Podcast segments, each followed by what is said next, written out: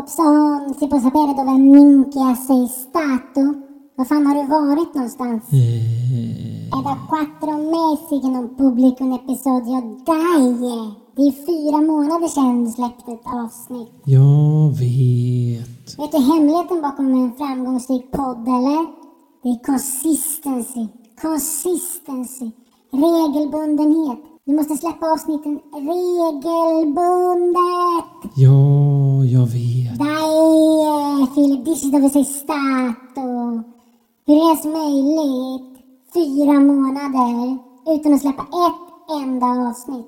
Var har du varit någonstans? Vad har du gjort? Men vad vill du att jag ska ha gjort? Vad vill du att jag ska ha varit någonstans? Jag har varit instängd hemma som alla andra. Och det har gått trögt kan jag säga.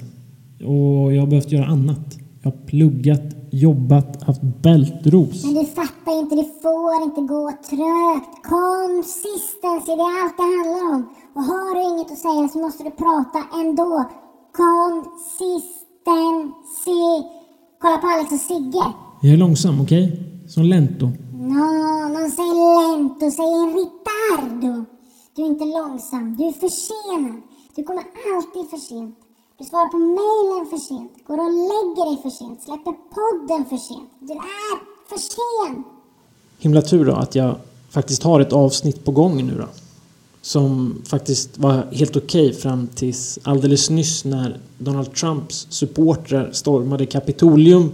Hela USA spårade ur och fem personer dog. Och vad fan har det med consistency eller Sydeuropa att göra? Så här, ända sedan Donald Trump kom in i den amerikanska politiken har jag slagits av likheterna mellan honom och den här mannen. Vladimir Putin eh, è un leader eccezionale.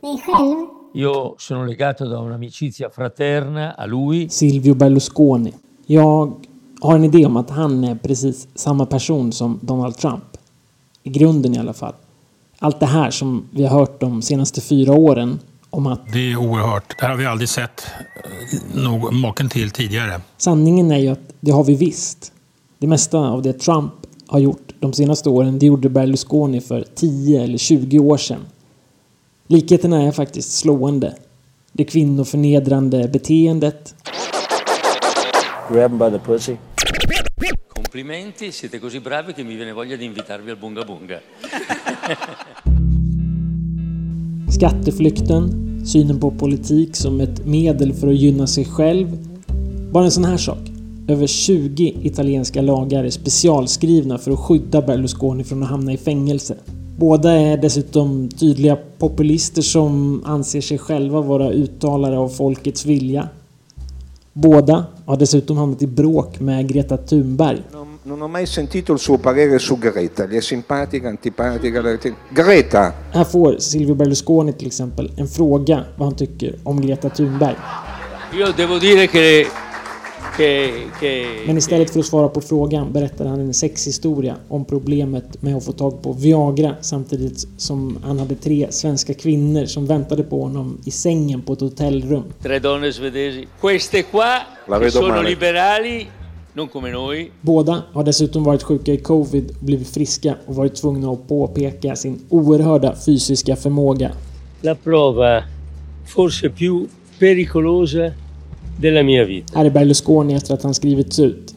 Där han nödvändigtvis måste understryka att han enligt sina läkare haft den högsta virushalten på hela sjukhuset under hela pandemin.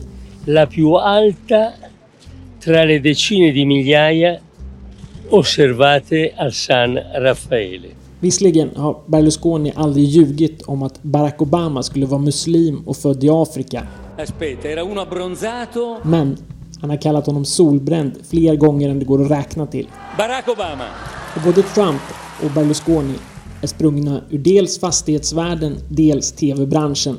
Visserligen är den amerikanska versionen, som den ju alltid är, galnare, större och mer högljudd. Men likheterna, för mig, de är ändå fler än olikheterna. Potrebbe essere interessante. Mm. Och för att analysera dem så ska jag prata med SVT-legenden Kristina Kappelin. Ja, Hernile, Hernile. Men vi tar det från början.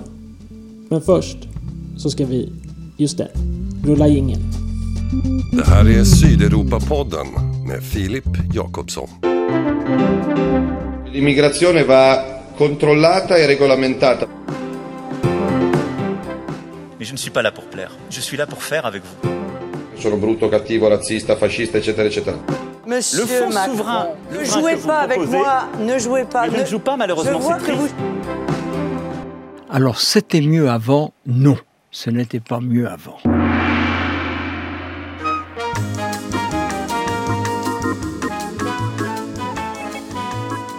Vi ska börja den här historien i början av 60-talet. L'economia scopre così i suoi anni migliori, quelli del grande miracolo italiano.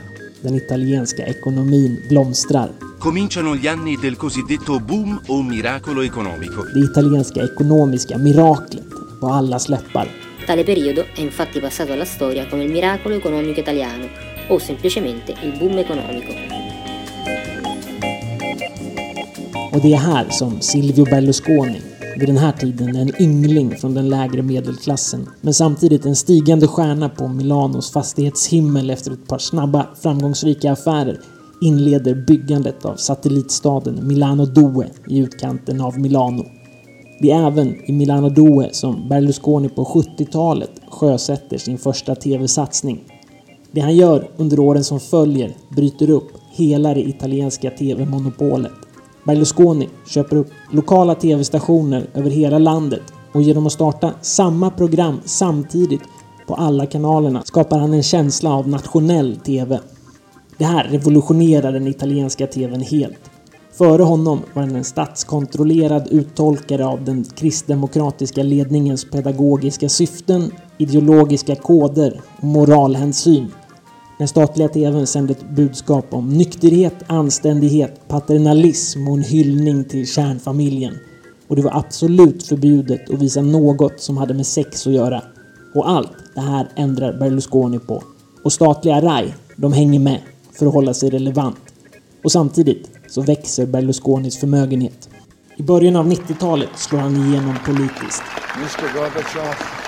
En förutsättning för det är Sovjetunionens fall. Mr Gorbachev, tear down this wall.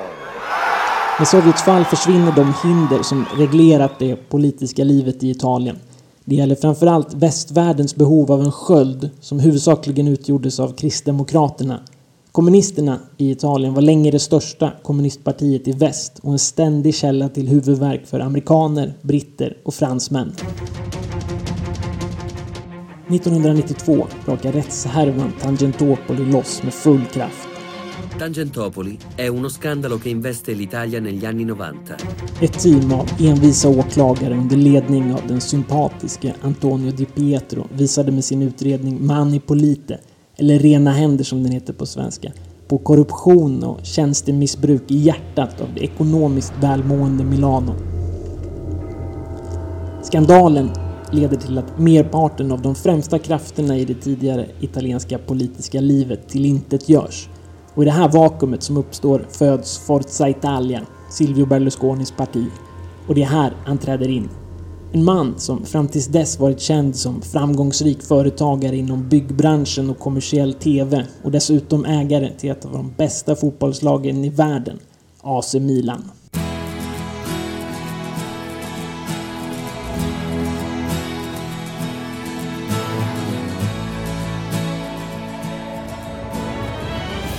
Rörelsen Forza Italia byggs upp som en företagsledning och fungerar med hjälp av marknadsföring som bygger på Berlusconis personliga karisma och kommunikationsförmåga.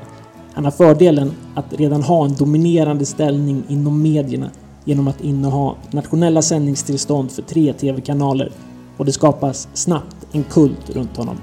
Berlusconi är partiet och partiet är Berlusconi. Presidente siamo con te Meno male che Silvio c'è När Berlusconi kommer fram är många övertygade om att han med sin explosiva energi är den enda som är kapabel att driva fram verkligt liberala förändringar i en stat där det byggts upp byråkratiskt och konservativt motstånd som tedde sig oövervinnligt. De ser Berlusconis politiska stil, omåttlig, ironisk och provocerande, som en styrka och inte som en svaghet. L'Italia è il paese che amo. Qui ho le mie radici, le mie speranze e i miei orizzonti. I ett tv-sänt tal 1994 lanserar Berlusconi sin kampanj med de bevingade orden Ho scelto di scendere in campo.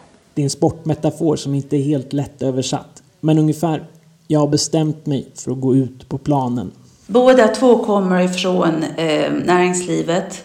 Eh, båda har idén att en näringslivsperson är mer effektiv i en styrande roll än en yrkespolitiker. Den här rösten är bekant för de flesta. Berlusconi eh, är eh, en ganska god och glad person medan eh, Donald Trump för, förefaller, framstår som bitter. SVT-legenden och Romjournalisten Kristina Capellin har bott i Italien i över 35 år. Hon har skrivit en bok om Berlusconi och har själv träffat honom flera gånger. Få svenskar kan lika mycket om Berlusconi som Kristina Kappelin. Men Kappelin ska testa tesen att Donald Trump i själva verket bara är en kopia på Silvio Berlusconi. Men hon börjar med att svara på frågan om när hon träffar Berlusconi för första gången. Det är 80-tal, hon är korrespondent för SVT och Berlusconi har precis köpt fotbollsklubben AC Milan. Och eh, anledningen till att jag träffade honom var att eh, Berlusconi höll på att förvandla europeisk fotboll kan man säga. Som tidigare hade varit, jag vill inte säga slumrande, men fotboll har ju naturligtvis alltid på den nivån varit en stor business. Men inte, inte, det var inte så dyrt att köpa rättigheter och sådär. Man kunde SVT hade till exempel fortfarande råd till alla rättigheter utan att det ställde till några stora problem. Men Berlusconi, när han kommer in då som ägare till Milan, så då gör han, liksom ser han de tydliga synergierna mellan eh, fotbollslaget Milan och hans TV-imperium. Eh, och börjar liksom trissa upp Eh, rättighetspriserna på den europeiska marknaden. Och det var orsaken till att SVT var intresserade av att jag skulle göra ett reportage om honom. Eh, så att vi åker dit. Jag hade försökt länge faktiskt genom hans pressavdelning att, att verkligen få en regelrätt intervju med honom. Eh, och de körde den typiskt italienska strategin att säga ja för att slippa säga nej. Men i själva verket var det liksom ingen som hade på något sätt förberett detta. Och ehm, så vi, till sist så tänker vi bara, vi kör dit upp på vinst och förlust. Och eh, när jag säger kör dit upp så var det alltså från Rom till Milano, så det är ju, vad är det, 60 mil ungefär. Ehm, och vi kommer fram till Milanello och eh, vi lyckas komma in på Milanello, allting var ju lite lättare då. Ehm, och eh, rätt vad det är så hör vi liksom hur det virvlar i luften och vi tittar upp och ser att Berlusconis helikopter är på väg ner. Vi rusar dit och mycket riktigt så sänker sig den här lilla farkosten då, eh, den, den är på väg ner där på gräsmattan. Och jag hade varit i Italien tillräckligt länge för att veta att man kan inte stå och vänta på sin tur liksom, eller snällt fråga så här, utan så fort den hade landat och han hade kommit ur så gick jag fram och räckte fram handen och sa eh, God dag, jag heter Kristina Kapelin, jag är här från Sveriges Television och som ni säkert vet har vi en intervju här idag. Ehm, och ehm, då är det ju det att Berlusconi är en mycket, faktiskt liksom, i sådana sammanhang, en mycket vänlig och artig person. Och ehm, på något sätt var det svårt för honom att säga nej när jag ställde eh, när jag sa på det viset som ni säkert vet. Så han sa, ja, visst, självklart. han, sa, eh, jag ska bara äta lunch med spelarna, så väntar ni. Eh, och så visade han oss var och så kom jag. Och det gjorde han eh, ungefär en timme senare och han var väldigt noga med hur han tog sig ut i bild. Alltså att, eh, du vet, att det skulle inte blänka i flinten och så där, för på den tiden hade han ju fortfarande inte transplanterat hår faktiskt. Och, eh, och sedan så fick vi en timmes lång intervju med honom. Eh, vilket ju är helt obegripligt om du tänker att här kommer vi från ett litet land långt bort för honom eh, som inte är med i EU Ehm, med endast en statlig television. Och vad kostar en timme av Berlusconis tid? Eh, jag kan inte ens räkna ut det. Men eh, han är otroligt, eh, på italienska säger man logoroico, alltså han snackar och han snackar och han snackar. Han är väldigt svår att få stopp på. Men som sagt, alltså han svarade artigt på frågorna och även på de kritiska frågorna, även om han naturligtvis liksom aldrig någonsin ifrågasätter liksom, att han har gjort fel. Så Berlusconi har ju aldrig gjort fel, han har ju bara gjort rätt. När jag, när jag läser din bok om Berlusconi så slår det mig ganska ofta att eh, man hade kommit ganska långt och ge ut den här boken 2020 och bara egentligen byta namn på Silvio Berlusconi och lägga dit Donald Trump istället? Eller har jag fel? Det finns ju mycket som stämmer. Eh, båda två kommer ifrån eh, näringslivet. Eh, båda har idén att en näringslivsperson är mer effektiv eh, i en styrande roll än en yrkespolitiker. Båda eh, har främjat sina egna intressen väldigt mycket i politiken och eh, intressen, eh, sina vänners och vad ska vi säga, sina starka särintressen i samhället som, som har stött, stött dem. Eh, och Berlusconi har definitivt eh, jag tror särskilt alltså nu när det har gått lite tid så ser man kanske tydligare att han har haft en väldigt stark inverkan på det politiska livet, faktiskt starkare än man kanske egentligen insåg när han var där. Därför man trodde på något sätt att det här skulle ta slut och sen skulle det komma någonting helt annat. Ehm, skillnaderna är väl möjligen att Berlusconi var premiärminister i Italien och inte president i USA eh, och därför liksom inte kunde göra lika stor skada. Ehm, och på sitt sätt skulle jag också vilja framhålla en viss personlig, alltså en personlighetsskillnad mellan dem.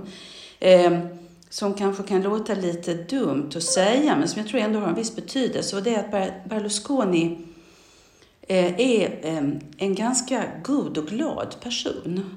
Eh, medan Donald Trump för, förefaller, framstår som en väldigt, trots liksom sina framgångar, en bitter och väldigt aggressiv person på ett sätt som jag inte tycker att man riktigt kan säga att Berlusconi är eller var. Berlusconi sa faktiskt en gång till en fantastiskt duktig italiensk-amerikansk journalist som heter Alexander Stille att eh, jag vet hur man ska få människor att älska mig.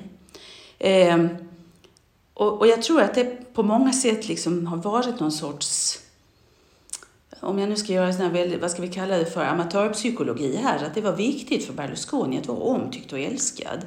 Medan ju med Trump man mer har känslan av att han på något sätt vill, eh, vad ska jag säga, dela och hämnas. En, en annan likhet skulle, som jag får känslan av i alla fall är ju hur de båda målar ut, eh, eller målade ut ehm, pressen som den stora fienden och vänstern. Eh, ett slags e- etablissemang. Och eh, har inte också Berlusconi gärna velat ehm, positionera sig eller utmåla sig själv som en anti-etablissemangsfigur? Absolut, det gjorde han ju från allra första början. Och han eh, ansåg ju, och precis som till idag Lega, att Italien eh, så att säga har eh, det har funnit, liksom tippat över, ska vi säga, på eh, vänstern har så att säga haft allt för stort inflytande eh, i italiensk politik och därmed också till exempel i, i skolundervisning och överhuvudtaget liksom i det ideologiska eh, klimatet i landet. Antifascismens värden och så vidare som ju faktiskt verkligen stod högt i Italien har ju skjutits åt sidan på många sätt kan man säga. Eh, först gradvis av Berlusconi och, och idag ganska tydligt av, av Lega till exempel. Eh, och ja, som sagt, Berlusconi målade ju verkligen upp vänstern på sin tid. Som den, liksom, han, han talade ju om kommunisthotet så som man gjorde för liksom 50, 60, 70 år sedan. Att kommunister, och jag har ju till och med varit med på möten, nu talar vi alltså när Berlusconi gick in i politiken, när han liksom i princip talade om att, att kommunister åt små barn och så vidare. Ehm, så att, no, nej, det är absolut sant att, eh, att det här sättet att demonisera vänstern, det har de gemensamt. Även om Berlusconi har mjuknat betydligt på, det, eh, på den punkten nu på sin åldershöst. Jag vet att eh, under tiden som Berlusconi var premiärminister så fick du ofta frågan av svenskar hemma i Sverige hur är det möjligt att de väljer honom om och om och om igen och att vi hade otroligt svårt att förstå det. Hur kunde han vara så populär som han ju faktiskt var i Italien? Italienarna har ju aldrig haft eh, liksom, samma respekt för politiken som svenskar har haft. Eh, alltså, inte för inte brukar man ju tala om il teatrino politico, den lilla politiska teatern. Det har funnits någon sorts ett element av, av skådespel, liksom, en idé om skådespel i, i politiken under, under lång tid. I alla fall definitivt under Nej, inte, inte bara under efterkrigstiden. Ända, ända från början skulle jag vilja säga. Och eh, så att, liksom att det dyker upp en sån här väldigt eh, udda figur är, är inte riktigt lika eller var absolut inte lika märkligt för italienarna då som det skulle ha varit för svenskarna då. Man kan ju säga att det känns som att även det här håller på att förskjutas lite grann i Sverige eller i världen överhuvudtaget. Eh, man gillade honom som typ. Man gillade tanken på en framgångsrik person som eh, lovade guld och gröna skogar och, eh, och som faktiskt ju verkligen hade varit framgångsrik i, som eh, företagsledare.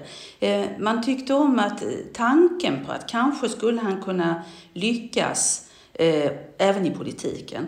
Och man får ju inte heller glömma bort i vilket, eh, vilken tid han dyker upp så att säga. Man har alltså, Italien har genomgått en, kan man säga, en oblodig politisk revolution eh, efter de stora korruptionsutredningarna som började i Milano i början av 90-talet som kallas för Tangentopoli eller Manipolite Där man alltså upptäcker, för första gången verkligen kan avslöja enorma korruptionsskandaler. Och det uppstår ett stort svart hål kan man säga mitt i i mitten på den italienska politiken på grund av att det kristdemokratiska, alltså en gång statsbärande partiet, imploderar. Och vem är det som omedelbart inser liksom att här, eh, här finns ett utrymme som måste fyllas eh, och det måste gå fort? Jo, det är Berlusconi. Och då använder han sin stora företagsapparat för att bygga upp en ny politisk rörelse från scratch eh, och kan då presentera sig på ett väldigt framgångsrikt sätt, väldigt snabbt. Naturligtvis också med hjälp då av sina tv-kanaler. Så att han går in, liksom, han kommer in som en eh, vad ska vi säga, eh, med buller och bång och eh, är totalt annorlunda och talar på ett sätt som vanliga politiker i Italien på den tiden inte talade. Alltså han talar som vanliga människor talar. Folk förstår vad han säger. Han lovar enkla saker. Eh, visserligen väldigt storvulna, men dock. Liksom han, eh, och, han, och han är charmig. För italienarna är han charmig. Och man får inte glömma bort heller att att allt det där som vi tyckte liksom var helt horribelt och liksom, hur kan han uppföra sig på det sättet? Hans liksom väldigt, eh, vad ska vi säga, eh, vördnadslösa sätt att uppträda till exempel i EU-sammanhang och på stora politiska arenor. Det tyckte många i Italien var roligt. Eh, de tyckte det var roligt och de tyckte det var bra att han på något sätt klädde av eh, etablissemanget, att han eh, vågade på något sätt vara en vanlig italienare i det där sammanhanget. Ja, för den där vanligheten, det var väl inte primärt de, vad ska man säga, högutbildade innerstadsborna som lockades till honom, utan det var hemmafruar och eh, män på landsbygden Ja, det var det mycket, men inte bara. Det skulle vara fel att tro att det bara det, för det fanns också en stor del av den italienska borgerligheten som, som kanske inte erkände att de röstade på Berlusconi, men som gjorde det. Därför att han lovade sänkta skatter och faktiskt också sänkte skatterna till exempel. Det, det är ju som vi vet, plånboksfrågorna brukar ju avgöra. Om Donald Trump säger man ju ofta att han helt har förändrat sättet att se på politik i USA. Hur skulle du säga att Berlusconi förändrade italiensk politik när han kom fram? Det är så stort och så mycket och på så många olika nivåer. Men eh, ett sätt var ju tilltalet utan någon som helst tvekan. Alltså att man Eh, ett, och ett tilltal som ju på många sätt är lite bedrägligt därför att det var verkligen så att italiensk politik hade förts, eh, alltså diskursen hade liksom förts på en väldigt, väldigt hög intellektuell nivå eh, som var svår att hänga med i för vanliga människor helt enkelt. En annan väldigt, väldigt viktig vad ska säga, aspekt av Berlusconi som politiker är ju att han dammar av och, eh, högern. Eh, och på det sättet eh, liksom leder till någon sorts mm, vad ska vi säga, ideologisk förskjutning i det italienska samhället. För att före Berlusconi talade man väldigt lite om fascismen till exempel. Eller jag menar, I den mån man talade om det så var det som ett väldigt negativt förflutet.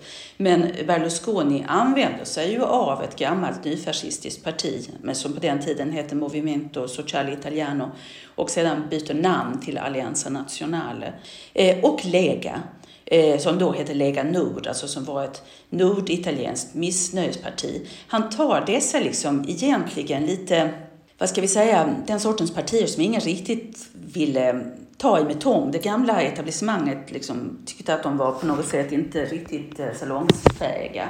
Och de, eh, med dem gör han ju en allians eh, Eh, som är hans enda möjlighet att komma in i politiken, att vinna valet. Men, men där sker ju en, en, en tydlig förskjutning som sen liksom gradvis har, har gått längre och längre och säkerligen är orsaken till att idag Lega är, är ett så stort och starkt parti i Italien.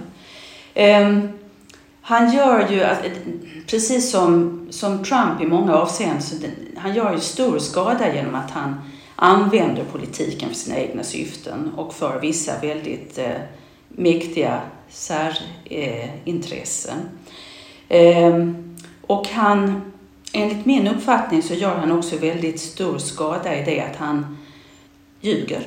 Han eh, på något sätt återinför lögnen som en, eh, ett legitimt propagandainstrument. Hur ska jag säga det här? Han, han, genom att han själv, inte så att säga, han döljer inte att han i vissa sammanhang faktiskt agerar ja vad ska vi säga, illegalt. Alltså han talar om att det finns en annan, om skatterna är för höga så är, kan man ingen liksom säga att det är fel att skattefuska till exempel. Alltså han, det sker en sorts förskjutning också vad gäller den allmänna moralen som, som jag tror har varit väldigt skadlig för Italien. Hans stora glansperiod är ju förbi får man väl ändå säga. Nu eh partiet Forza Italia ligger väl runt 5-6 procent i opinionsmätningarna.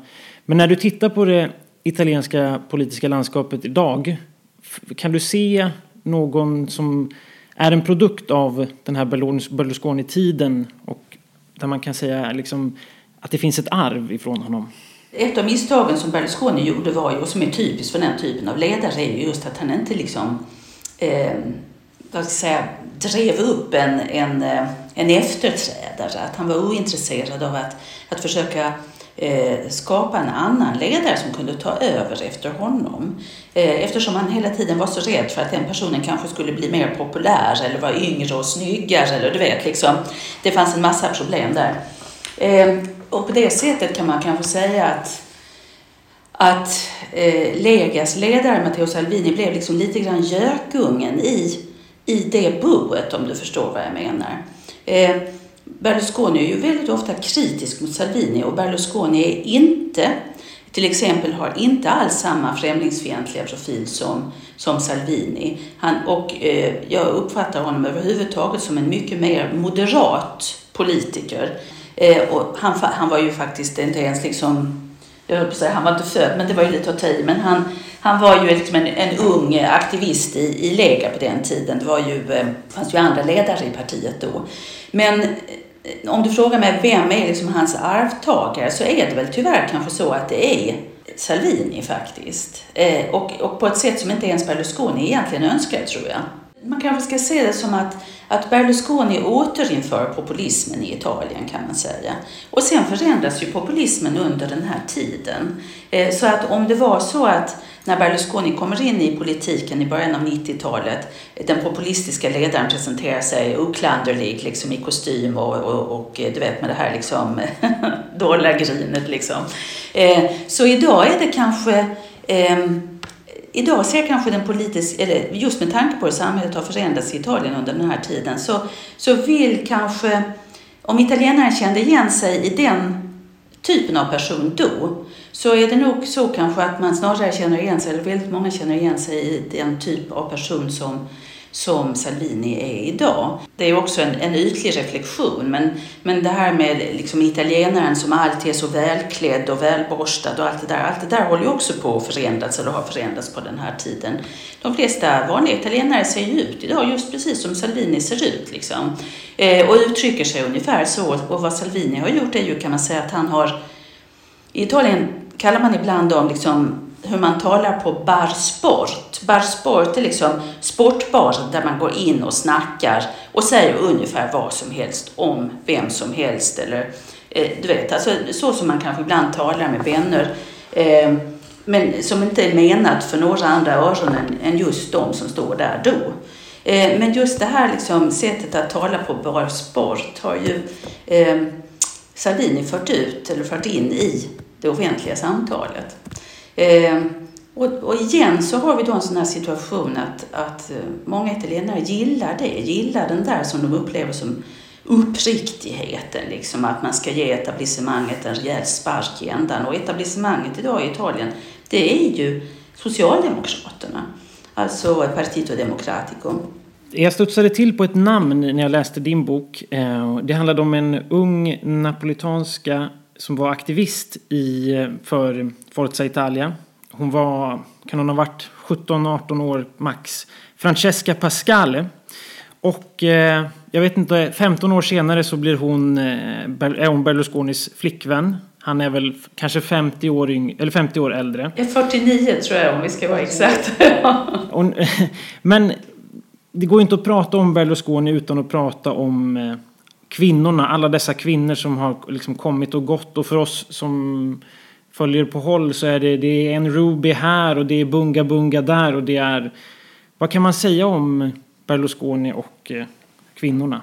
Ja, det är också verkligen ett, ett märkligt kapitel på alla sätt och vis. Han har ju uppenbarligen ett eh, oerhört starkt behov av att bevisa sin virilitet eh, in i, i det sista. Han har ju nu en ny Eh, kvinna, denna Pascal som du nämner, eh, gjorde han ju nyligen slut med, eller hon med honom, jag vet inte vilket. Och eh, i vanlig ordning så, de här kvinnorna brukar ju liksom komma ut med ganska bra avtal så att säga. Så att man kan nog säga att hon har tjänat ganska bra på att, att vara hans eh, officiella flickvän under ganska lång tid. Eh, så, som sagt, så att han har uppenbarligen alltid liksom haft en enorm, eh, ett enormt behov av att visa sig som viril. Och jag tror också att det har en del med den typen av ledare som han eh, är, men framförallt var, att göra. Att vara en del liksom av, av det här framgångsreceptet. Liksom, att han hade framgång i, i affärer eh, och att han också var liksom en, en man som kvinnorna älskade. Eh, han har ju eh, eh, samtidigt är det ju intressant att se att i hans parti faktiskt det finns rätt många kvinnor med ganska framträdande positioner. Varav en del det ju har viskats mer eller mindre öppet att han har haft dem så att de har varit hans älskarinnor först. Eh, och, eh, men där ganska många ändå har blivit ganska duktiga politiker faktiskt och har framträdande, en framträdande roll i hans parti. Eh, vilket man till exempel inte riktigt kanske kan... Alltså det är faktiskt ett ganska tydligt drag i Forza Italia som jag ofta har reflekterat över. Att, att det finns rätt många framträdande kvinnliga politiker i det där partiet. Eh, att han har en fullkomligt förvrängd, för våra ögon, och eh, en förvrängd och vansinnig kvinnobild. Eh, eller syn på kvinnor, det, det är väl knappast, råder väl knappast någon tvekan om. Eh, och att han liksom har tyckt att, att det är helt okej okay att köpa kärlek och i vissa fall då också kärlek av, av väldigt unga kvinnor. Eh, det vet vi också har skett. Eh, och de här rättegångarna om de så kallade Bunga Bunga-festerna så är ju faktiskt fortfarande pågående.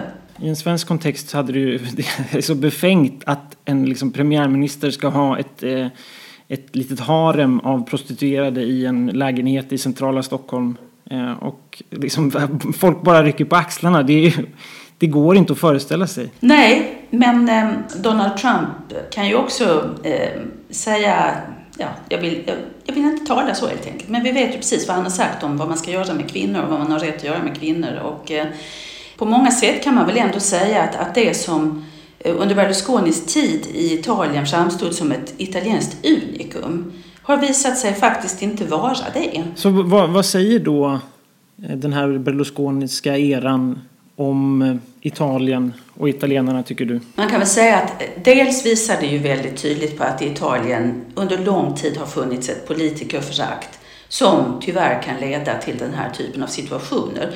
Och det är ju, Mussolini är ju ett utmärkt exempel på detta, eller hur?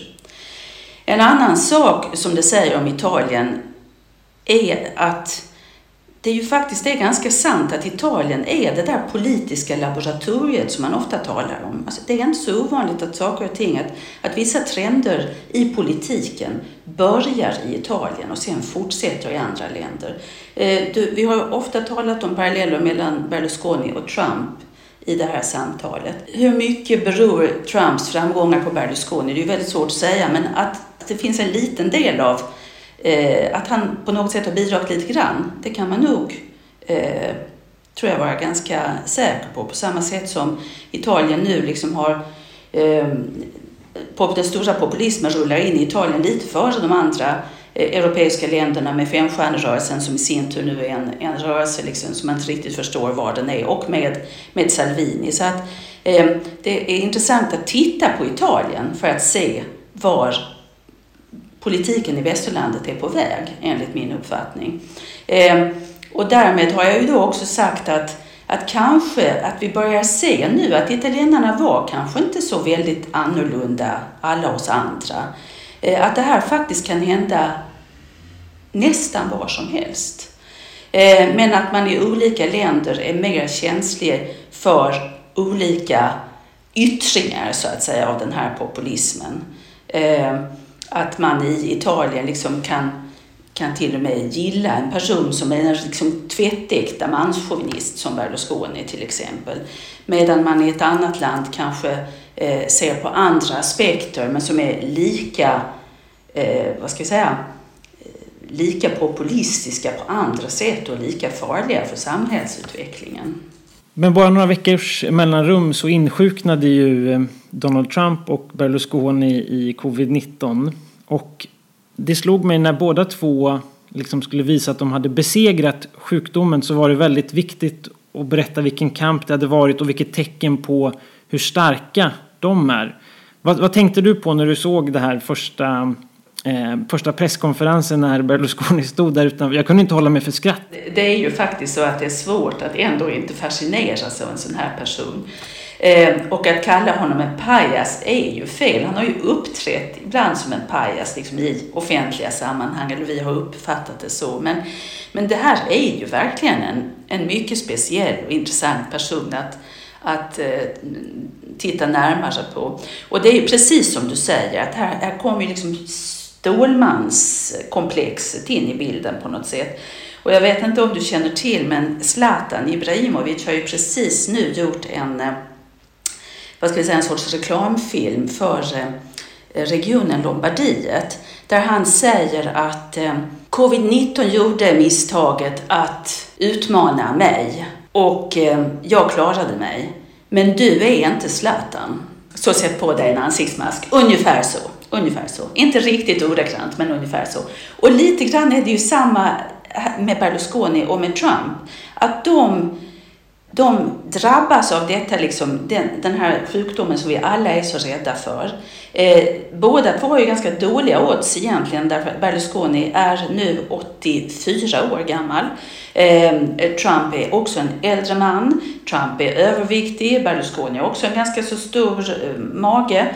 Och eh, och likväl så, så klarar de sig. Liksom. Det är på något sätt, eh, de talar om för världen att vi är någonting mer än en vanlig människa. Liksom. Jag tänkte på det när du sa pajas där, att det är ju en annan sak de har gemensamt. Att när de kom fram så förlöjligades de väl otroligt, båda två av etablissemanget. Man skrattade ju åt Trump under de första åren. Jag tror att det var likadant i Italien. Absolut, man skrattade mycket och, och även åt Berlusconi som ibland gjorde en del fadäser men som han var ganska Eh, generös med att sen också dela med sig av. Liksom. Och, och eh, eh, om jag ska säga något så Berlusconi har humor.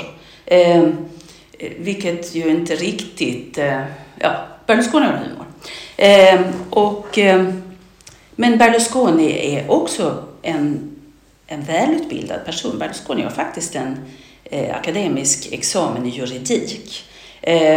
och om vi ska se till Berlusconi idag, för han är ju faktiskt fortfarande en ganska så aktiv politiker, om än med mycket lägre, liksom inte alls lika många följare. Och, eh, så har han ju blivit en mycket mer måttfull person och han har ju eh, på många sätt eh, försökt göra en insats till exempel för att inte dela Italien i, eh, till exempel i EU-frågor. Alltså det är ju en EU-vänlig politiker till exempel. Eh, han har också eh, varit, visat sig ehm, redo att stödja regeringen i deras olika åtgärder mot pandemin, vilket till exempel Salvini och Meloni, alltså Fratelli d'Italia, liksom har gjort det motsatta så att säga. Och viss mån också Berlusconis eget parti, många företrädare för Berlusconis eget parti, medan han så att säga själv alltid har, har framhållit sitt stöd. Eh, och nu har jag tappat tråden lite, jag kommer inte riktigt ihåg var vi började här. Men, det var pajasen va? Eh, så att, eh, som sagt, han kan verkligen framstå som en pajas på många sätt och det pajasartade är ju just det här, eh, vad ska vi säga, oerhört uppblåsta och eh, absolut eh, överdrivna tron på sig själv och, och sin egen, vad ska vi säga, ett självförtroende som, som liksom går över alla gränser. Men Berlusconi är enligt min uppfattning eh, en ganska intelligent person. Flera jag har pratat med säger och tror att partiet Forza Italia kommer att dö, alltså försvinna med Silvio Berlusconi. Vad tror du om det? Jo, men det tror jag också, absolut. Därför det är så helt och hållet uppbyggt kring honom själv. Det finns ingen som kan ta över det ansvaret, absolut inte, eller axla liksom det, det partiet. Eh, och det är ju vad som sker som sagt när man bygger ett parti kring en person. Men jag tror definitivt att han är en person som vi kommer att skriva, som kommer att stå i de italienska historieböckerna. Eh, han, han är mer än en parentes.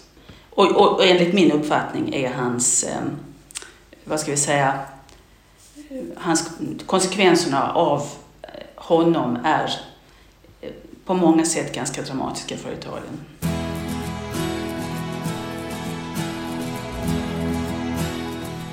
Det här, det var det andra avsnittet av den andra säsongen av Sydeuropa-podden som kommer att fortsätta komma ut med viss oregelbundenhet under våren. Producent och programledare, det är som alltid jag, Filip Jakobsson. Che vive in noi, siamo la gente della libertà. Presidente, siamo con te. Meno male che Silvio c'è.